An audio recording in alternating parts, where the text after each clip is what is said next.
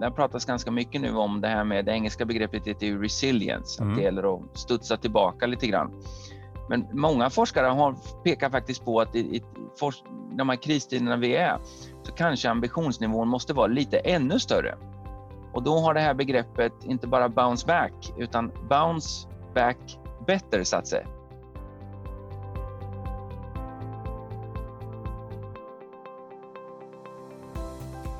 Då var det dags igen. Nytt avsnitt av Konkurrenskraft. Podden där vi pratar om framtidens beslutsfattande, verksamhetsstyrning och ledarskap. Jag heter Robin Askelöv och är marknadschef på Hypegen som ger ut den här podden. Ni som har hängt med ett tag, ni vet att Hypegen är ett techbolag inom just beslutsstöd och verksamhetsstyrning. Det här det är ett extra avsnitt som eh, ju kommer ut i slutet på ett år som minst sagt präglats av eh, coronaviruset. Och det har ju verkligen påverkat förutsättningarna för näringsliv, samhälle och beslutsfattare. Och när vi nu närmar oss eh, 2021 så är det ju fortfarande speciella tider med en andra våg som sveper över världen. Och eh, därför tänker jag i det här avsnittet så kommer vi bryta lite mot det vanliga formatet i podden, fokusera extra mycket på ett mer nischat ämne. Och sen i nästa avsnitt som blir säsongspremiären för 2021, ja, då är vi tillbaka i det vanliga formatet igen. För nischat och lite mer djuplodande, det kommer alltså bli idag. Vi ska prata om hur Sverige påverkats av covid-19 och eh, vad som är viktigt framåt. Och eh, för det ändamålet så tar vi hjälp av Handelshögskolan i Stockholm och associate professor Martin Karlsson Wall som driver det väldigt ambitiösa projektet Sweden through the crisis. Så jag börjar med att säga varmt välkommen till dig Martin. Tack så hemskt mycket. Jätteroligt att vara med. Hur, eh, hur står det till? det är på ett sätt härligt att eh, det börjar närma sig jul. På ett sätt får man ändå säga att det har varit ett eh, ganska utmanande år och nu när man tittar ut, det är mörkt ute. Mm. Så att jag skulle gärna ha sett lite snö faktiskt. Ja, vi får se om det, om det kommer lagom till jul. Mm. Du, till att börja med, du har varit ganska länge på, på Handelshögskolan. Kan inte du bara berätta lite kort om alla dina olika roller som du har där? Mm, så att jag har, eh, jag har varit länge inom institutionen för redovisning och finansiering där just verksamhetsstyrning är mitt stora forskningsområde. Mm. Och, och där är jag dels eh, ansvarig för vårt forskningscenter som heter Accounting and Financial Management Center of Excellence, förkortas ACE. Sen är jag även chef för vårt masterprogram i redovisning och finansiering. Och sen de senaste åren så har jag varit med och byggt upp allt som Handelshögskolan gör inom sport. Det är så att sportvärlden förändras en hel del just nu. Eh, måste kombinera ideella värden och folkrörelselogik med kommersiella värden. Och just den ja, så att säga, krocken mellan det ideella och det kommersiella tycker vi är jättespännande att följa. Så där har jag gjort en hel del forskning också. Jag nämnde ju precis här att du är ju ansvarig för det här stora projektet Sweden through the crisis. Och eh, jag tänker att det här är ett väldigt bra sätt att få en, eh, en ganska så initierad överblick av konsekvenserna och hur man kan, eh, kan tänka framåt här nu efter krisen. För här pratar vi om fler än 40 artiklar inom åtta olika teman och områden. De är skrivna över 80 forskare på en av världens vassaste handelshögskolor. Så eh, det känns ändå hyfsat högoktanigt. Och, och ni som lyssnar, häng med här nu så, så får ni i det här avsnittet de bästa bitarna sammanfattade. Men Martin, jag tänker vi bara börja. Kan du berätta om det här projektet? Ja, men det det handlar om är att vi, precis som alla andra aktörer i samhället, kände att vi ville ja, eh, bidra lite grann. Och, och vårt ämne handlar ju om forskning och, och undervisning.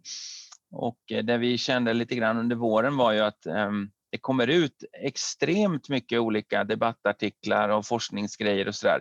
Men det kan vara lite svårt att ta till sig. Mm. Så då så sa vi att borde vi inte ta och göra, ja, lite kurerat säger man ju nu för tiden, men, men lite eh, samla ihop de olika forskarna och sen sätta samman det. Så mm. om man känner att man antingen är extra intresserad eller kanske nu i jultider, man känner att man har varit inne i elvispen tänkte jag säga och vill liksom bara få tillbaka lite grann, så ska man kunna gå till vår sida. Och, och eh, Det är lite av en buffé, eh, ett litet eh, julbord med olika delar. Ibland brukar jag säga att eh, det påminner nästan lite grann om P1 Sommar. Mm. Så att kvaliteten hoppas vi håller en, en ganska hög lägstanivå. Men sen så gäller det att botanisera lite grann beroende på vad man har för intresse eller för frågeställningar.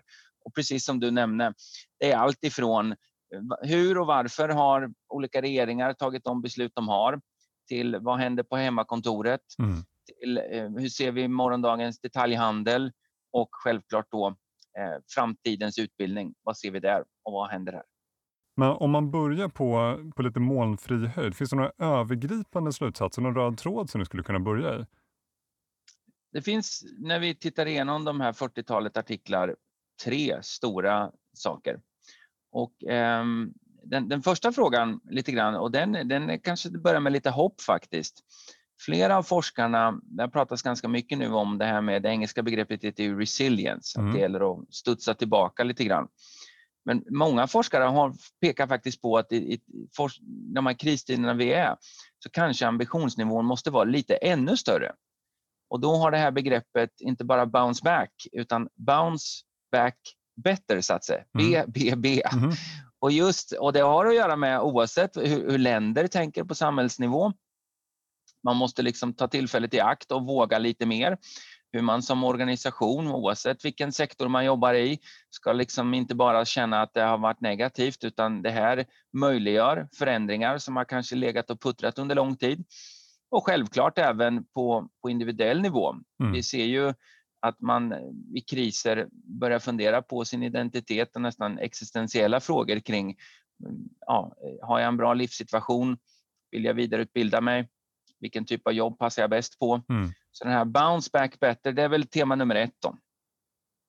Sen är det ju eh, tema nummer två handlar om det här med flytande gränser. Det, det är en grej som vi har sett i samhället under väldigt lång tid. Att gränser mellan sektorer. Jag menar, när jag började på Handelshögskolan som student i slutet på 90-talet, då var det ju jättetydligt att man hade tre sektorer, den privata sektorn, den offentliga sektorn och den ideella eller civilsamhällssektorn. Mm. Och I ledarskaps och managementutbildningar så var liksom första frågan vilken sektor? Mm. Och sen när man hade den klar så fick man paketet för hur man beter sig som ledare. Yep. Men, men nu ser vi det här med eh, fotbollsklubbar är ett jättebra exempel. Om vi tar AIK fotboll, de är börsnoterade samtidigt som de absolut inte riktigt beter sig som ett börsnoterat företag och kanske inte ska göra det. Mm. Vi ser det i kommunalt eller statligt ägda företag. Vi ser det i sociala företag att organisationer finns i flera sektorer. Mm. Och, och det här med flytande gränser, det späs ju på av digitalisering. Bara en sån sak som att vi pratar om hemmakontor. Det är väldigt svårt att veta. När jobbar jag och när har jag fritid? Ja, om, om vi går tillbaka hundra år, då var det ju så att då var ju gränserna jättetydliga. Och vi brukar prata om det här med stämpelklockan. Man kommer till jobbet, man byter om från fritidskläder till arbetskläder. Mm. Man stämplar in. Man är på jobbet i åtta timmar. Man stämplar ut, man byter kläder igen och sen är man tillbaka till den andra miljön. Mm. Och, och, Det här med flytande gränser har ju många möjligheter. Men det som rapporten pekar på är just att det kanske har gått lite långt. För att när man inte vet gränser, då skapar det en osäkerhet och ibland frustration. Och mm det här med stämpelklocka, eh, även om det inte var bra i alla delar så var det just fördel att när man hade stämplat ut så kunde man känna sig klar med jobbet. Mm. Och problematisera lite kring hemmakontor och det här med att en ny trend kanske är att vi ska lära oss att sätta gränser lite tydligare. Det är tema två. Då. Mm. Och sen har vi tema tre som handlar om tid. Och där har det ju i covid-tiden nu pratats mycket om det nya normala och, och vad, vad, kommer hända längre fram. Där är väl en spaning som flera forskare drar att för att kunna navigera i det nya normala och in i framtiden så kanske man måste förstå sin historia lite bättre. Mm. Istället för att stressa och kolla på konkurrenter eller kolla på olika länder och vad de gör. Så ju mer man så att säga, grundar sig själv och förstår sin historia, ju lättare blir det att göra val kring framtiden. Mm. Så att um, det finns hopp i Bounce Back Better. Det finns lite problematisering kring flytande gränser, att vi ska sätta gränser. Och vad gäller tid så ska vi förstå vår historia snarare än att springa in i framtiden. Det är de övergripande tre sakerna. Jag tänker så här att för att liksom få en känsla för allt som ingår här. Vi, vi gör nog en nedslag i, eh, mm. i några av de här artiklarna. Mm. Eh, och eh, jag tänkte så här, vi börjar med ämnet uh, Public Policy and the Swedish Model som alltså är ett av de här åtta övergripande områdena. Och där finns ju flera spännande artiklar. Eh, en av dem heter Carrots, Sticks, Sermons and Nudges during the Pandemic. Eh, den tar ju upp hur myndigheterna i Sverige har arbetat med olika metoder för att påverka svenskarna under den här krisen. Um, och bara, bara, kort, kan du börja reda ut begreppen här? Vad är det för metoder man har tittat på i den här artikeln egentligen och, och, och hur har man liksom gått tillväga? Mm, det är två av våra forskare, eh, Patrik Andersson och Gustav Almqvist, som har gjort en enkät där man har frågat vilken typ av statlig intervention skulle du föredra? Mm. Och det har sin bakgrund i att det här eh, begreppet som har kommit fram de senaste åren som heter nudging, där staten så att säga, hjälper till lite grann. Ja, det har blivit, liksom, de har fått Nobelpris och det har blivit väldigt populärt. Um, och då tar de här frågorna ett steg tillbaka och säger okej, okay, givet att det finns en, en eh, verktygslåda av delar, om man är politiker eller jobbar på en myndighet, vad tycker folk att man borde använda? Mm. Och, och då har vi eh, morot, carrot, som handlar om att ge olika typer av incitament. Det kan vara eh, allt ifrån att man hjälper eh, utsatta grupper eller eh, företag i branscher som haft det extra svårt. Sen har vi ju sticks. Det är ju eh, ja, helt enkelt käppen. Att, att eh, man inför olika typer av regler och förbud mot mm. olika delar. Sen har vi sermons som är påbud, alltså man kan från statligt håll informera extremt mycket hårdare och jobba med de bitarna. Och sen så har vi ju då det här nudging. Och eh, huvudpoängen i den här artikeln är egentligen bara att säga att även om det har pratats om potentialen för nudging och det låter ju lite spännande att man mm. så att säga ska hjälpa till lite mm. grann, så visar enkäten att de gamla hedliga sakerna som eh, morötter och påbud, det är faktiskt fler som föredrar dem. Så det här är en liten påminnelse till politiker att ni, det är inte så att folk är negativa till nudging, mm. men allting handlar inte om nudging. Och, och det finns det, man kommer ganska långt med de traditionella verktygen. Ja, just det. Finns det några liksom, övergripande lärdomar här som jag tänker även en, en företagsledare eller någon, någon annan som är utanför politiken kan ta med sig från den här undersökningen? Nej, men för mig tycker jag det är att gamla hedliga saker funkar ganska bra. Ja. Eh, även om det kan vara spännande att eh, diskutera nya trender och sånt. Så den här artikeln tycker jag huvudpoäng är att de gamla hedliga verktygen, vi ska inte slänga ut dem direkt. Ja, de nya kan vara bra som komplement. Mm. Men vi ser ju nu att, att framförallt morötter och riktade bidrag har funkat ganska bra i Sverige. Mm. Okej, okay, och eh, om vi då går vidare till eh, nästa område, Finance and Accounting, så finns där en artikel som heter Balancing Diagnostic and Interactive Control Systems där forskarna går in på det man kallar Management Control Systems och hur de kan användas av företag för att hantera covid-19-krisen. Om man bara börjar med det där begreppet Management Control Systems, kanske inte alla som känner till, kan du eh, förklara det? På engelska, det svenska begreppet är faktiskt verksamhetsstyrning. Ja, just det. Så på engelska så finns det två begrepp. Det är dels management accounting, hur man använder redovisningsinformation för att leda. Det svenska begreppet skulle vara ekonomistyrning, mm. så lite mer sifferbaserat. Och sen när man tänker att man vill jobba lite, mer, lite bredare, lite mer med olika typer av beteenden.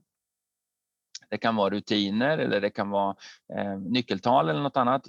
Då breddar man det hela. Och då blir det ju på svenska verksamhetsstyrning och på engelska blir det management control. Om man då sätter ihop flera begrepp i verksamhetsstyrning, då blir det management control systems. Ah, så det är det som är tanken. Ja, men då har man helheten. Och, mm. Eh, en del i det där, det, det, handlar ju om att i kristider så kan det ju bli uh, otydligt vilka mål man ska styra mot. Uh, det kan handla om allt ifrån om man ska, ska man hålla kvar sina gamla mål som man hade innan krisen eller ska man lägga kraft på att jobba fram nya? Uh, och kanske även jobba om de här kontroll eller styrsystemen. Och I den här artikeln, då, när jag läste den, så noterade jag att forskarna är inne på att man måste kombinera det som på engelska heter diagnostic controls och interactive controls. Att man måste vara duktig på att balansera de här. Kan du utveckla det resonemanget? Så diagnostic control, den här forskningstraditionen som pratar om de här begreppen kommer från eh, Robert Simon som är professor på Harvard. Och det här diagnostic, det känner ju många av er igen, det är ju att man, så att säga, det traditionella, man sätter upp ett mål och så har man diagnostik för att följa. Mm. Går vi mot målet eller inte? Mm. Och sen blir man duktig på uppföljning, månadsuppföljning och rapportering och de bitarna. Det Simon såg var att i tider av osäkerhet, nu, kriser är ett jättebra exempel på det, men det kan vara att man som organisation behöver skära ner ordentligt eller att man växer jättesnabbt eller man bara jobbar på en marknad som är på väg in i omreglering eller något annat, så det finns mm. mycket osäkerhet. Då räcker inte de här diagnostic control systems, För man får inte liksom öra mot rälsen skulle man väl säga mm. på svenska. Och, och um, Det är helt enkelt för långa tidsförhållanden från att man har satt ett mål till att man mäter och följer upp. Då behöver man jobba mycket mer det som kallas interactive. Och interactive här handlar om att i stora organisationer är den största risken att VD sitter långt ifrån verksamheten och inte känner av vad som händer mm. och sen får informationen då via en månadsrapport för sent och då har inte tid att reagera. Ja, och Då säger Simons att i, i, när du har mycket osäkerhet då måste du få hela organisationen att interagera från de längst ut på linan upp till VD eller generaldirektör eller generalsekreterare beroende på vilken sektor man jobbar i. Och Då gäller det att välja ut ett antal delar. Mm. Så till skillnad ifrån Diagnostic Control System som är hela batteriet av nyckeltal så gäller det här att fokusera på kanske en, två eller tre områden som är extra viktigt. Mm. Och där ska man verkligen säkerställa att hela organisationen är med, debatterar, lär sig och fångar in vad är det som sker längst ut på linan. Och, och I kristider då blir det extra viktigt att beroende på vad man, vad man har, jobbar man på en restaurang så kanske det gäller att följa med. Hur ligger bokningarna till? Och varenda dag diskutera varför är bokningarna på en viss nivå? Vilken typ av kund kommer in på restaurangen mm. och hur kan vi ja, förbättra det här? Kanske börja med en helt ny ja, produktsortiment mm. där hemkörning eller olika typer av nu virtuella julbord kommer upp. att man hela tiden lär sig improvisera och agera.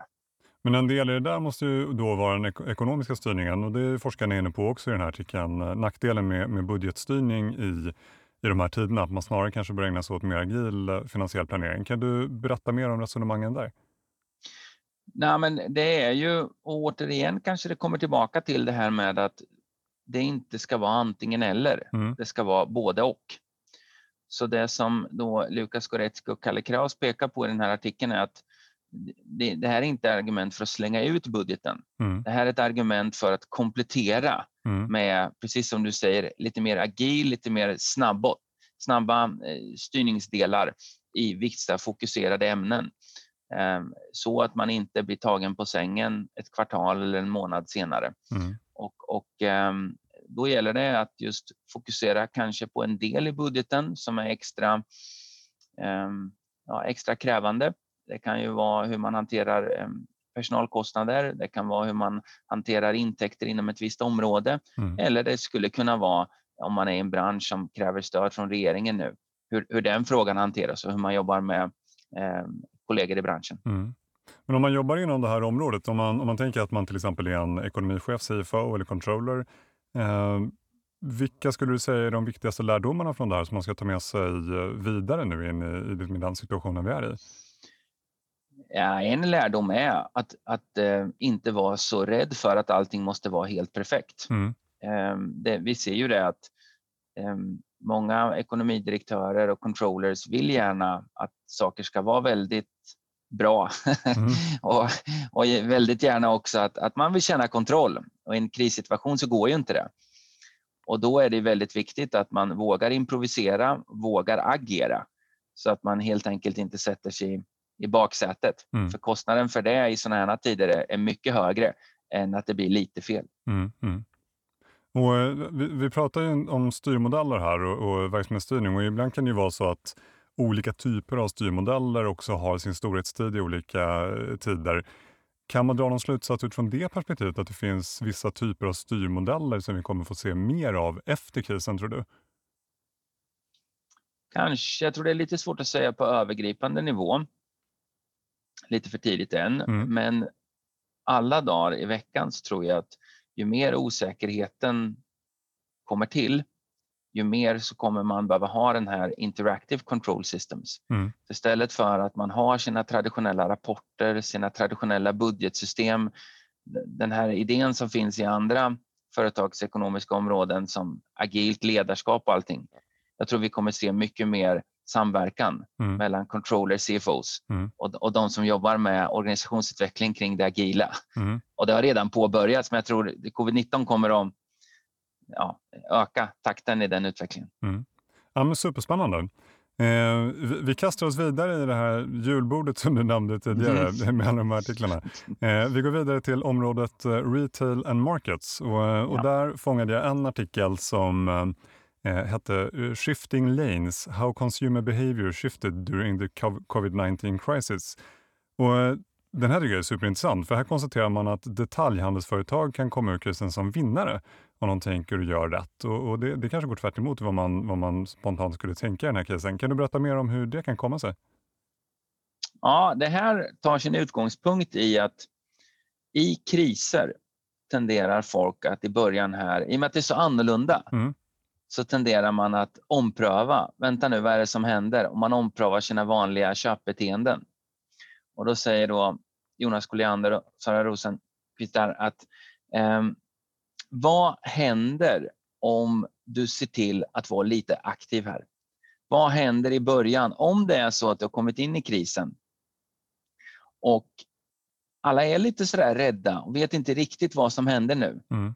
Då säger de, de varumärken som vågar, återigen det här med mod, de som vågar testa, mm. de kan ta väldigt mycket marknadsandel. Mm. Så, så helt enkelt skulle jag säga, det här är en artikel som säger ni som blir passiva i krisen, ni riskerar inte bara lite grann. Ni riskerar ett helt potentiellt, om, om man tar en vanlig um, dagligvarubutik, försvinner hyllorna. Mm. För det kommer komma andra som säger den där delen på hyllan, där ska jag stå. Och, och, och, när, när vi som handlar i en ICA-butik eller Coop-butik ser nya varumärken så tänker vi, ja det är så konstigt, jag testar något nytt. Mm. Eller så tror man att det är digitalt. Så, så, shifting lanes handlar om inte bara det här skiftet ifrån det fysiska till det digitala, utan hur de som är då leverantörer till de här stora ja, retailföretagen, nu är läget att vara aktiv. Mm. För nu är liksom våra vanliga beteenden, när vi ruskas om på det sättet som vi gör, då är vi villiga att ompröva lite grann. Och det ser man väl nu, bara sådana saker som att man pratar om att vi inte ska fira jul med våra vanliga mm. släktingar. Mm vem är det som, när kommer erbjudandena komma om det skräddarsydda julbordet?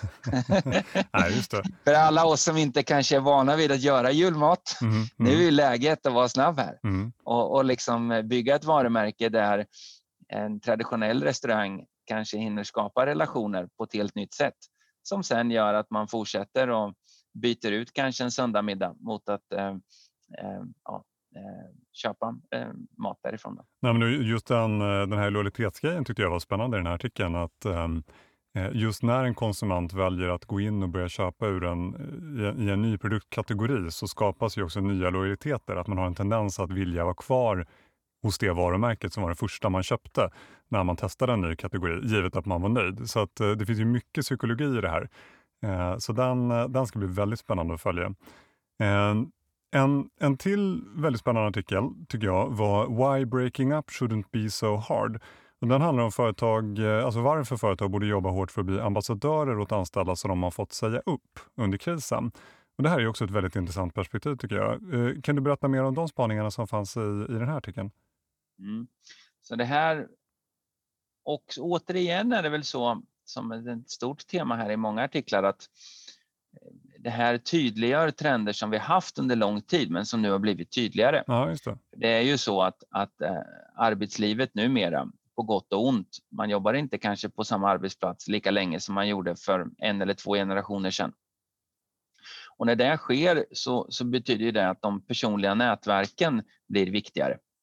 Och det betyder i sin tur att företag som eh, vad ska säga, hanterar uppsägningar eh, eller att man måste lämna oavsett anledning på ett bra sätt, de kan tjäna väldigt mycket på det här. Mm.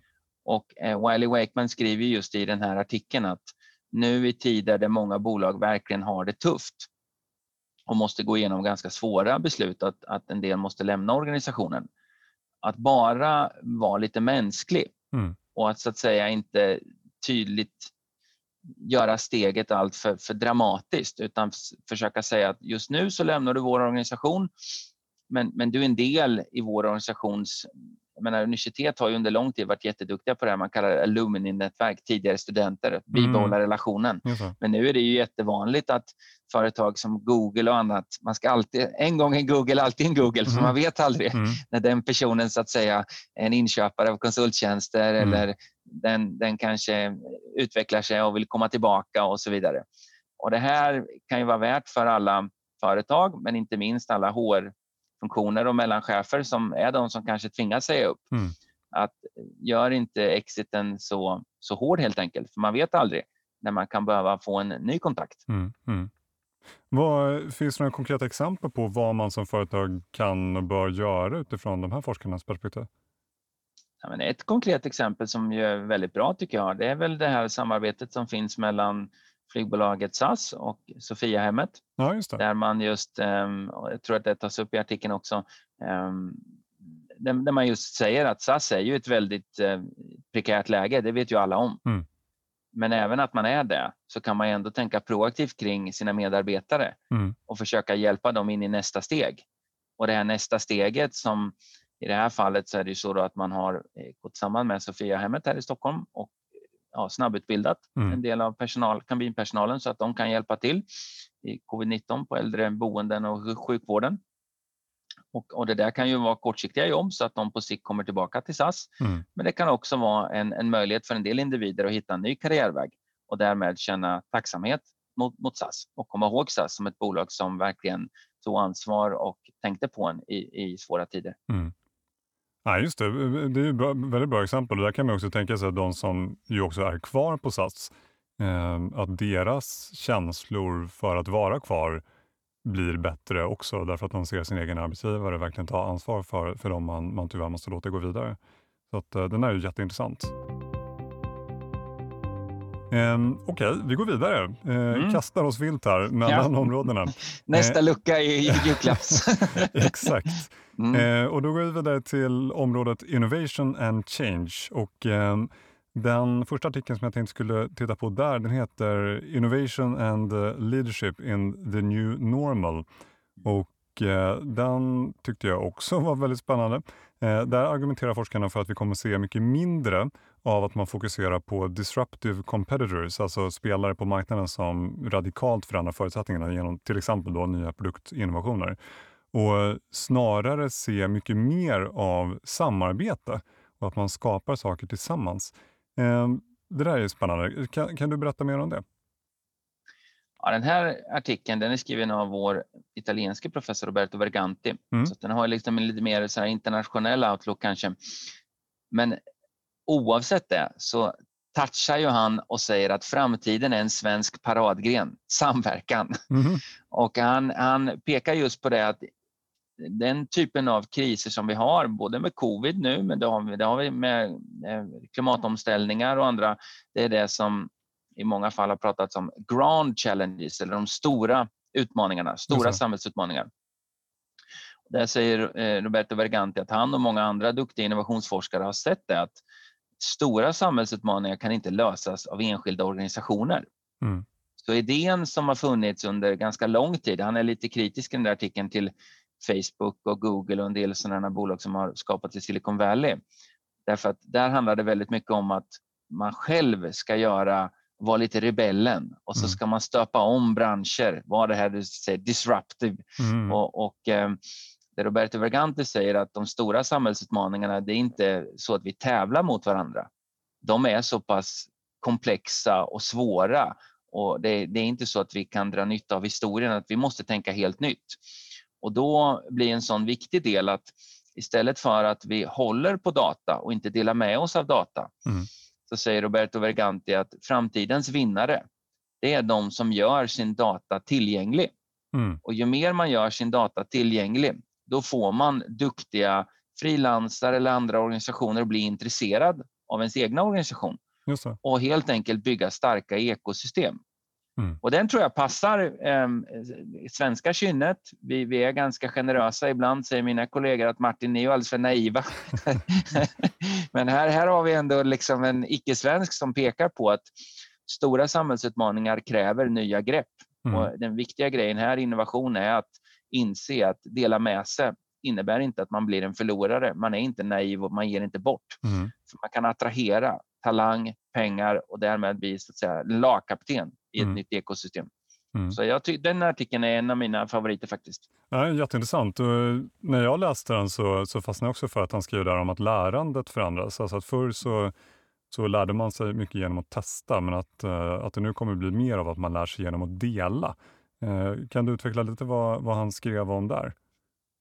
Nej, men det- där är ju dels den här att man delar då information. Så i tider när man pratar om digitalisering och big data och artificial intelligence, att man delar med sig av informationen. Mm. Men också en sån sak som att man bara delar med sig när saker inte går bra. Mm. Vi har ju en tendens i det här sociala medielandskapet att man visar alltid bilder när man framstår som bra. Det är alltid leenden. Ja. Det är alltid fina liksom, semesterbilder. Mm. Men här är ju tanken att om det genuint ska skapa relationer och förtroende så ska man också kanske dela saker som inte går så bra. Det. Och det, det, det är en spännande tanke att genom, genom att dela misslyckanden så blir man mer attraktiv. Mm. Det kanske inte man tänkte förr i tiden att man skulle erkänna sina misslyckanden. Mm. Men, men om man, man delar eh, sina misslyckanden och är väldigt tydlig på vad det var som gick fel och varför och på vilket sätt man tänker sig lära om och, och vad det kräver för nya samarbetspartner. Mm. Då tror jag man verkligen blir en attraktiv och, och genuin organisation eller person. Mm. Och därmed så, så kan man få både roligare jobb och eh, skapa mer och lösa svårare problem. Mm. Ja, intressant tycker jag. Men tar man det där på ett individuellt plan, men tar man går ut på, på LinkedIn till exempel. Det, det var inte många år sedan man, man ju bara såg de, de positiva sidorna där, men idag tycker jag man i allt högre utsträckning ser inlägg där folk delar utmaningar, misslyckanden och, och man ser också vilket engagemang det, det ger och, och diskussioner i kommentarsfältet. Så att uppenbarligen där så, så driver man ju då ett lärande både hos sig själv och hos andra just genom att vara öppen och dela. Så det tycker jag är spännande. Mm. Du, ehm, vi, vi kastar oss vidare. Eh, en annan av artiklarna inom det här området, Innovation and Change, eh, den hette Live versus Digital. Och I den diskuteras upplevelseindustrin och det är en bransch som går igenom, för att uttrycka det milt, en rätt omskakande förändring. Eh, här tittar man i den här artikeln då på den fysiska upplevelsen i förhållande till den digitala. Och Det här tror jag är något som kan intressera många. Det är ju så, så central del i våra liv. Vi, vi upplever saker jämt. Men utifrån den här artikeln, vil- vilka är insikterna och lärdomarna och hur kommer upplevelseindustrin att utvecklas och se ut efter pandemin, tror du? Ja, men en grej som jag tar med mig från den artikeln är just det här med att våga ta ut svängarna och tänka lite olika scenarios Mm. och vad det innebär. Så här så pratar man ju om tre stora scenarios. Det första scenariot som man kallar det nostalgiska scenariot och som är spännande att fundera på. Ni, nu i universitets och utbildningsvärlden så pratar vi mycket om det. Nu sitter vi framför Zoom. Det är den programvaran som alla använder i universitetsvärlden. Mm. Vad kommer ske om två, tre år? Kommer vi vara tillbaka till exakt där vi var innan? Eh, för att vi har saknat den fysiska eh, upplevelsen så mycket? Eller kommer det vara så att vi har något helt nytt framför oss? Och I det nostalgiska scenariot, då handlar det om att våga kanske gå ännu mer tillbaka i tiden och stärka den fysiska upplevelsen. Och här kan man ju tänka sig till exempel att restauranger blir duktiga på det Just det. att istället för att ha en vanlig fysisk restaurangupplevelse så för, försöker man fundera på hur har den här restaurangen eller restaurangupplevelsen utvecklats de senaste 30 åren Mm. och ha lite best of så att det absolut häftigaste som finns det är att sitta fysiskt på den här restaurangen. Jag som gillar sport då är det självklart liksom fotboll och annat men, men att man hela tiden säger att i tider av digitalisering ska vi gå tvärtom Mm. Och verkligen hitta nischade fysiska upplevelser Mm. och göra dem hundraprocentigt nostalgiska scenariot. Sen har vi helt åt andra sidan, det är det här hyperdigitaliserade scenariot. Och där eh, kommer man ju in i frågor som om man tar idrott eller kultur. Kommer vi överhuvudtaget att ha en livepublik? Ja, just det. Alltså, kommer det vara så att vi ser en fotbollsmatch, ett derby mellan AIK och Djurgården eller Hammarby, Djurgården eller AIK. Kommer vi se det på Tele2 eller på Friends Arena? Mm. Eller kommer det vara så att alla sitter framför tvn? Jag menar, det, det, det, det mest extrema fallet som jag har sett är ju att i, i, um, i USA så nu så jobbar man ju jättemycket med virtual reality. Mm. Där eh, sporter då som inte går så fort som amerikansk fotboll, som är så att säga, man har ett, ett spel och så väntar man lite. Mm.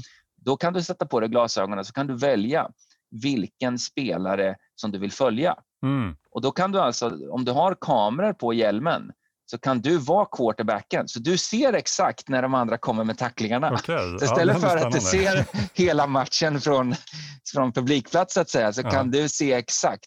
Och i, i, Australien då har man till och med tagit fram en väst som ger impulser. Okay. Så när din favoritspelare tacklas, då liksom tar den här alert shirt heter den och liksom studsar till lite okay. så att du känner samspelet med din favoritspelare. Ah, och ju mer man tänker här, om man, om man vågar dra ut det i det här hyperdigitala, mm. då, då, mm, då får man ju väldigt spännande upplevelser. Mm. Och det är väl egentligen det. Sen självklart har vi i mitten då den här hybriddelen som en, en balans av de båda. Men just det här att våga fundera på min bransch, även om upplevelsebranschen i stort kommer att ändras, mm. kommer mitt lilla segment att tjäna på att gå tillbaka och bli ännu mer fysiskt, den mm. nostalgiska? Mm. Eller kommer jag kunna hitta en ny nisch genom att bli superdigital och verkligen förändra på riktigt? Just det. Så, tre olika scenarion och framför allt fundera på vad, vad blir konsekvenserna för mig då som upplevelseaktör. Mm. Ja, jättespännande. Det där kommer vi ju verkligen beröras av äh, alla också som upplever saker. Eh, jag tänker i nästa artikel då, om vi kastar oss vidare, där kommer vi in på det här begreppet som du nämnde i början med eh, resiliens. Mm. Och eh, det här är en artikel som går in mycket på vad vi kan lära av familjeföretag i den här krisen. Artikeln heter Resilience and Family Business och, och i den har man alltså tittat på framgångsrika familjeföretag i Italien och Sverige. Och eh, utgångspunkten här är att titta på Egentligen en typ av bolag som överlevt många kriser tidigare, inte sällan verksamma inom just de branscher som drabbats hårdast av eh, covid-19. Om du bara skulle lotsa oss in i den artikeln, vad är det man har sett här för någonting? Framförallt så det som gör familjeföretag så spännande är ju deras långsiktighet. Mm. Och det går ju på både pluskontot och minuskontot. Pluskontot så handlar det om, kopplar både till det här med att man kanske samverkar mer med omgivande ja, organisationer, kommun och, och så vidare. Mm. Vill ta ansvar på ett helt annat sätt. Um, och, och det, den här idén med att man ska så att säga, ha en bra exit, det ligger i familjeföretagandets natur. Mm. Tänka lite mer långsiktigt där. Å andra sidan så är ju familjeföretag, när man är så långsiktig, så finns det ju den här idén att det, ibland så kanske man är lite sämre på att ompröva. Mm. Det sitter i väggarna, mm. pekar då Mattias och Sarah som har skrivit den här artikeln att vi kan å ena sidan lära en hel del av familjeföretag. Man, man tänker inte bara på pengarna, man tänker på intressenter runt omkring sig och man tänker så att säga i nästa generation. Och i den här typen av svåra kris som vi är i nu, att tänka långsiktigt, där menar ju de på, eh, det är en viktig del. Mm. Och just också den här att studsa tillbaka, eller resilience, resiliensen, det handlar ju också om att när alla vet att man tänker långsiktigt mm. så är man ju själv villig att tänka långsiktigt mot en sån organisation. Ja, det, det, är en sak nu att säga jag tänker långsiktigt. Men om jag ser att du har ju alltid tänkt kortsiktigt så säger jag bara att det är bara massa skitsnack. Jag tror inte på dig. Mm. Men ett familjeföretag som i flera generationer har visat att vi tar ansvar för alla intressenter, de anställda och leverantörer och kunder runt omkring oss. Mm då är ju möjligheten att få hjälp också i sådana här kriser mycket, mycket större. Mm. Så ja, familjeföretag tror jag kan lära eh, först eh, alla företag nu värdet av långsiktighet, men också det här med helhetsperspektiv och inte bara tänka på, på pengarna först utan hållbarhet och andra bitar. Mm. Om man tänker att man är en, en företagsledare som, som sitter och lyssnar nu, du, du var inne just lite på, på lärdomar här.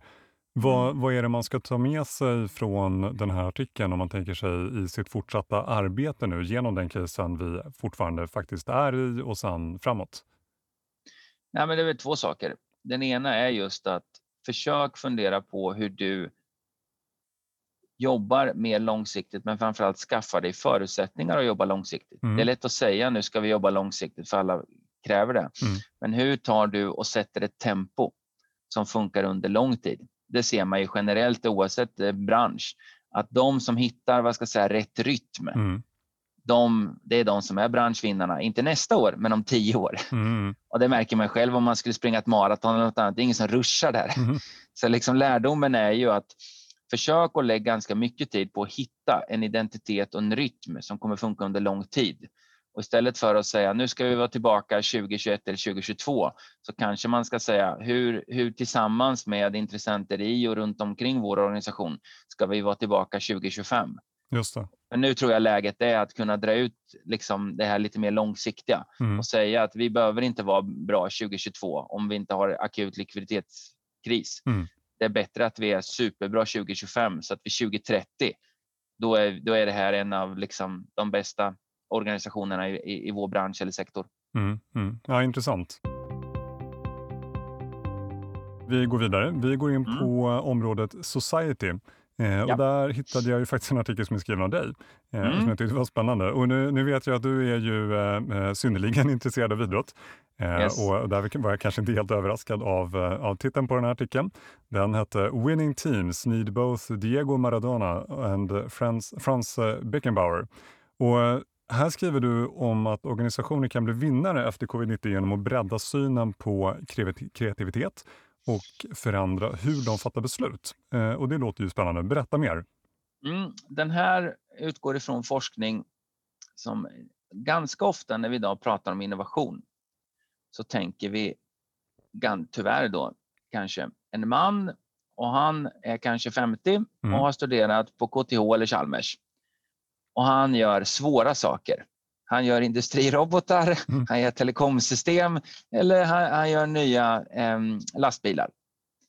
Den här bilden av kreativitet, som att det är en, en manlig äldre akademiker, den hämmar ganska mycket på hur, vad som är kreativitet. Mm.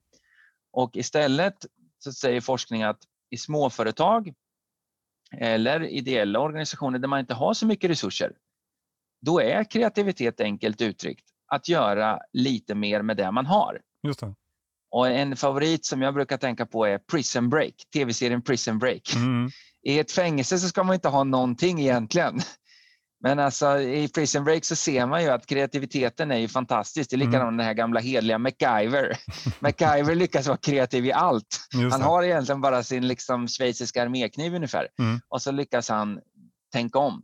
Och den här typen av kreativitet som inte är det här systematiska tänkandet där saker ska funka. Det här Frans Beckenbauer-kreativiteten då, som finns på Ericsson, ABB och annat. Mm. Det här är vad jag då kallar Diego Maradona-kreativitet. Man skapar en situation från ingenstans och lyckas vara fantastiskt. Och det engelska begreppet heter bricolage. Mm. Och man, svenska skulle man väl lite förenklat säga uppfinna Jocke. Sen uppfinna Jocke person, person han eller hon tar det som finns, precis som en prison break man ser i fängelset, mm. och lyckas helt enkelt använda resurserna på helt nya sätt. Mm. Och i kristider är ju det här extra viktigt när man inte har så mycket mer budget eller resurser. Att man helt enkelt accepterar att den absolut bästa lösningen kanske vi får strunta i. Och där man säger då second best solution kan mm. vara riktigt, riktigt bra. Mm. Och ju mer man då breddar synen på kreativitet, ju mer kan organisationer frigöra både tillväxt och lönsamhet. Mm. Så helt enkelt på Ericsson och på ABB och på Volvo så ska man ha lite mer Diego Maradona-kreativitet och våga utmana.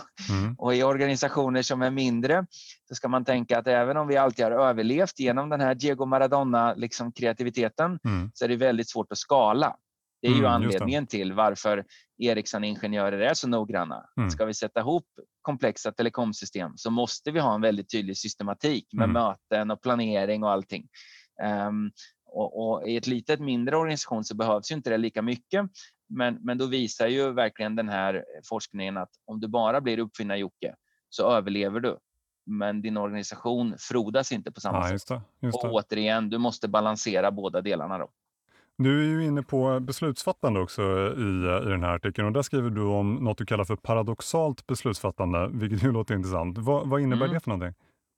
Ja, men det innebär just, det är väl lite ny forskning har visat att historiskt har vi tagit beslut genom att ställa saker mot varandra. Mm. Så att vi väljer antingen då Frans Beckenbauer-kreativitet eller ingenjörskreativitet eller uppfinnarkreativitet. Så Mm. varje beslutssituation blir vilken ska vi ta Ja, och hur ska vi liksom balan- ja, eh, avväga de där mot varandra. Paradoxalt beslutsfattande säger nej, världen är så pass komplicerad nu så vi ska inte välja en av dem. Vi ska göra båda två. Och då måste man först börja diskutera om man gör båda två, när blir det spänningar och krockar mellan de här? Mm. Vi tänker oss ett omklädningsrum här med Frans Beckenbauer och Diego Maradona. Mm. Så inser man ju att det är inte helt lätt att vara coach kanske. Mm.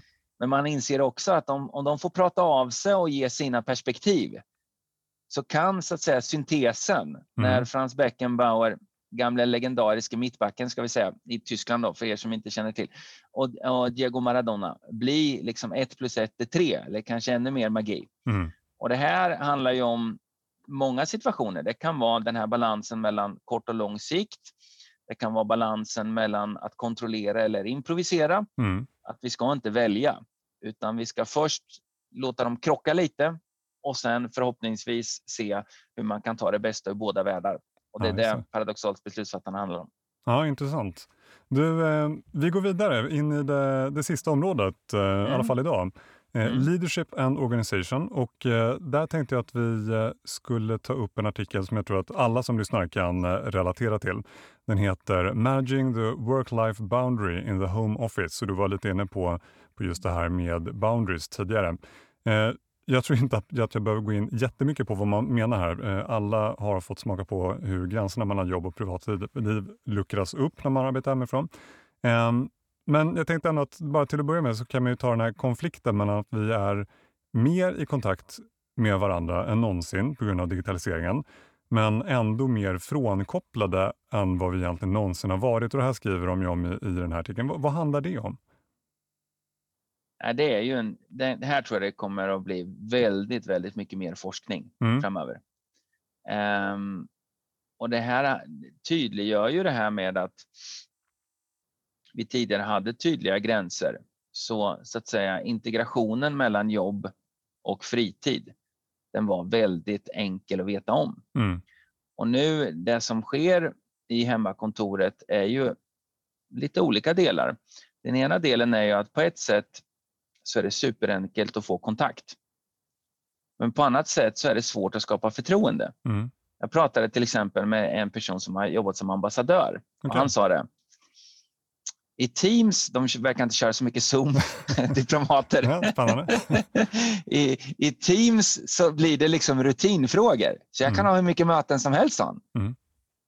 Men problemet är ju att i och med att jag inte känner av tajmingen så vågar jag aldrig riskera någonting. Mm, Så de här stora diplomatiska vad ska säga, genombrotten som ofta sker på ett möte, det kan vara sent och sådär och så märker man, men vi tycker ju samma nu. Mm. Och så hugger båda och så händer någonting väldigt bra. Mm. Det sa han, det sker inte digitalt. Så det blir massor med möten, Mm. men det händer inget framåt. Ja, intressant. Och, och så kan det ju vara på arbetsplatser också. Att man har liksom hur mycket uppdateringar som helst av AWn och alla säger ja, här har vi AWn. Ja, det är för jävligt ute. Det är mörkt eh, nu här i december. Ja, det är mörkt här i december. Mm. Mm. Men någon slags djupare relation har man inte fått. Mm. Och det är väl det som så att säga problematiseras i de här artiklarna. Mm. Att kanske att sociala relationer kräver mer. Det är ju det fina här som man ser då digitalt, att vi får ju, om man ser våra olika sinnen, Mm. så får vi ju syn och vi får hörsel med, med det digitala. Men vi får ju inte eh, så att säga att vi eh, rör varandra. Vi får inte eh, smak, vi får inte lukt. Mm. Och jättemycket om man tänker sig alltifrån privata relationer handlar ju om att ska man bygga någon genuin relation så måste alla sinnen kopplas på. Mm. Och det är väl det som liksom fångas upp i det här digitala som jag tror det kommer bli jätteviktigt sen. Mm. Hur, när, vi, när alla sinnen inte kan kopplas på i det digitala, hur bygger vi uthålliga sociala relationer? Mm. Och i förlängningen, hur bygger vi uthålliga organisationer och samhällen? Mm. Det tror jag vi i dagsläget inte alls vet vad svaret är. Mm. Men, men det reser nya väldigt spännande frågor. Och bara en sån enkel sak. Jag pratade med en ekonomidirektör. Hon sa det. Ja, det tar ju mig liksom hela måndagen att stämma av om mina medarbetare är påcheckade och jag vet ju ändå inte. Har de bara satt på kameran och fejkar? Medan hon sa att om, om jag går liksom på min ekonomiavdelning en vanlig måndag morgon så ser jag med ögonen mm. och jag kan direkt känna av pulsen. Mm. Så, att, så att det digitala, ja, det är många utmaningar. Det kommer hända mycket, men det är väldigt um, utmanande tider framöver. Där. Mm. Nej, men det här som du är inne på nu, alltså management by walking around, den funkar ju inte längre alls och, och det, det kommer ju ta lång tid innan, innan man är tillbaka. Men, men du nämnde, du pratade med, med en eh, ekonomichef, om man tänker rent generellt för chefer som, eh, som skulle läsa den här artikeln, vilka, vilka skulle du säga är de viktigaste lärdomarna att ta med sig i, eh, i sin vardag? Nej, men den viktigaste lärdomen är nog att så att säga, det är två lärdomar som kommer ut av den här. Den ena är att i ännu högre grad skapa lite försöka att, att eh, inse att alla individer är lite olika. Mm. En grej som tas upp i artikeln är ju en sån enkel sak som att eh, förr i tiden så behövde man aldrig visa upp sin hemmamiljö om man inte ville. Det är klart man med kort och sånt på kontoret kan visa det, men om man inte vill så behöver man inte det. Mm. Och idag så, så måste man så säga visa upp var man är. Mm. Så den här, de personerna som absolut vill hålla en ganska tydlig distans mellan sin, sin jobbmiljö och sin privata miljö, mm. de kan ju inte göra det idag. Och då så som chef så behöver man ju så att säga, coacha på ett visst sätt. Samtidigt har man ju andra som nästan tvärtom vill bjuda in och visa hela hemmet. då måste man också ta hänsyn till det. Ja. Och, och, det gör ju, tror jag, att den övergripande poängen är bara att inse chefskap och ledarskap idag kommer ta mycket mer tid. Så mm. säkerställ att din kalender har tid för det. Mm. För om du säger jag har inte tid med det, nej, då kommer du behöva ta konsekvensen av det. Mm. Jag har inte sett någon forskning som så att säga, spar tid av det här. Utan i det korta perspektivet tror jag det, det enkla svaret är du måste lägga mer tid på chefskap och ledarskap. Annars så kan det krackelera. Mm. Då får du betala priset för det. Tiden går, går snabbt här. Jag tänkte vi skulle börja runda av, men mm. jag tänkte ändå vi skulle sluta med, med några såna här eh, sammanfattande reflektioner. Och tänkte bara ställa frågan till dig som, som ändå har jobbat med alla de här forskarna nu, alla artiklarna. Du har hunnit reflektera mycket över innehållet. Om man, om man tänker, vi började visserligen med några övergripande spaningar, men, men om man skulle sluta med så de viktigaste slutsatserna att ta med sig från alla de här artiklarna, från ditt perspektiv? Nej, men jag tycker nog att eh, den absolut viktigaste är att i tider av kris så måste man jobba tillsammans. Mm. Och det gör att när någon, det var under hösten här så frågade någon, men när kommer bok två? vi håller på att trycka en bok nu. Mm. Och då sa jag väl vi, nej, jag tror inte vi orkar skriva en sån här bok en gång till. Mm. Men man kanske liksom gör såna här poddformat eller något annat. Mm. Och då föddes taglinen Together beyond the crisis. Ja, Gemensamt genom, liksom bortom krisen. Mm. Och det tycker jag är den stora slutsatsen. Att sträcka ut handen Våga ta hjälp. Mm. Gör saker tillsammans med andra. I tider av kris då är det jobbigt som satan och det vet alla. Mm. Då måste vi liksom verkligen jobba tillsammans. Så det är den övergripande punkt ett. Punkt nummer två är, givet att vi jobbar tillsammans och bara inse att det kommer inte vara perfekt. Mm. Man får liksom vara nöjd med att man bara klarar sig. jag tror vi måste sänka kraven lite och mm, det, mm. jag tror inte det blir sämre resultat. För jag tror jag upplever den stress som skapas när alla vill prestera på samma gamla vanliga nivå trots att det är kris. Mm. Den, den riskerar många organisationer. Så de två bitarna tillsammans och håll ut och, och uh, ha mod att acceptera att det inte blir perfekt. Mm, mm. Och om det får funka som lite så övergripande slutsatser, vi, vi, har pratat lite om ekonomifunktionen och den är den är ju alltid intressant och den är ju inte minst i fokus nu under den här krisen för de får mycket Alltså mycket hängs upp på ekonomifunktionen för att företagen ska klara sig igenom. Vad, vad skulle du säga är den viktigaste slutsatsen där för till exempel en ekonomichef att ta med sig? Ja, men det är, eh, man kan tycka att det låter lite konstigt för stereotyp säger alltid ekonomichefen personen, han eller hon som har koll på siffrorna. Mm.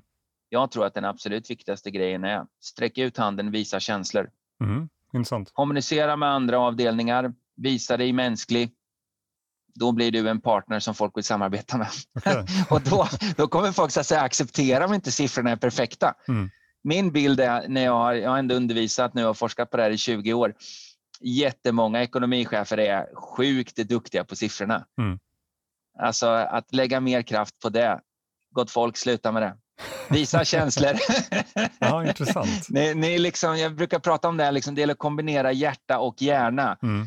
Alla ni ekonomichefer och controllers som sitter och lyssnar på det här, ni är super på hjärnan, jag lovar. Visa hjärtat, visa mm. känslorna. Mm. Då kommer ni att bygga relationer med viktiga mellanchefer och det kommer hjälpa era organisationer mycket bättre än om ni tar ytterligare en flik på Excel-arket. Mm. Ja, intressant. Och eh, för att avsluta eh, positivt här, vad, vad, mm. tror du är den största vinsten av allt det här? Ser du något bra som kommer ur den här krisen?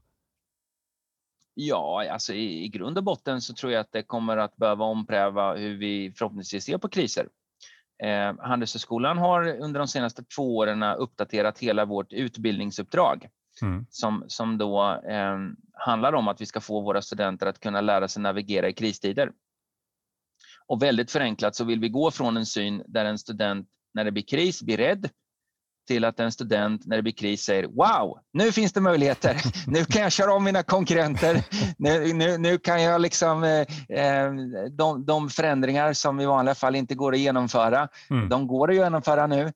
Så jag tror att det, jag hoppas att det ska bli ett litet eh, skifte här i mental inställning. Mm. Och, och, Det vill jag vara med och påverka och alla ni som eh, också vill vara med i den riktningen. Vi, vi sträcker ut en hand från Handelshögskolan. härligt. vi vill gärna vara med liksom och göra saker together beyond the crisis. Ja, men det är underbart. Ja, men, eh, super Martin, eh, stort tack för att du var, var med. Det här var jätte, jättespännande och det får funka också som eh, säsongsavslutning för eh, konkurrenskraft. För nu kommer vi gå på eh, julledighet efter det här och sen är vi tillbaka igen i, eh, i januari. Eh, så tack till dig Martin, verkligen. Tack så hemskt mycket för att jag fick vara med. Ja, och alla ni som lyssnar, jag hoppas att ni får en eh, fantastisk ledighet, att ni får möjlighet att och ändå, trots eh, social distansering, fira jul och nyår på ett, ett bra sätt och att ni får återhämta lite efter det här väldigt speciella året. Och som jag alltid gör när jag avslutar de här avsnitten, gå gärna in på hypein.se där finns som alltid mer information om beslutsstöd och verksamhetsstyrning och kom ihåg att prenumerera på podden för det kommer fler nya spännande avsnitt. Och med det sagt, stort tack för att ni lyssnade och ha en riktigt, riktigt fortsatt bra dag.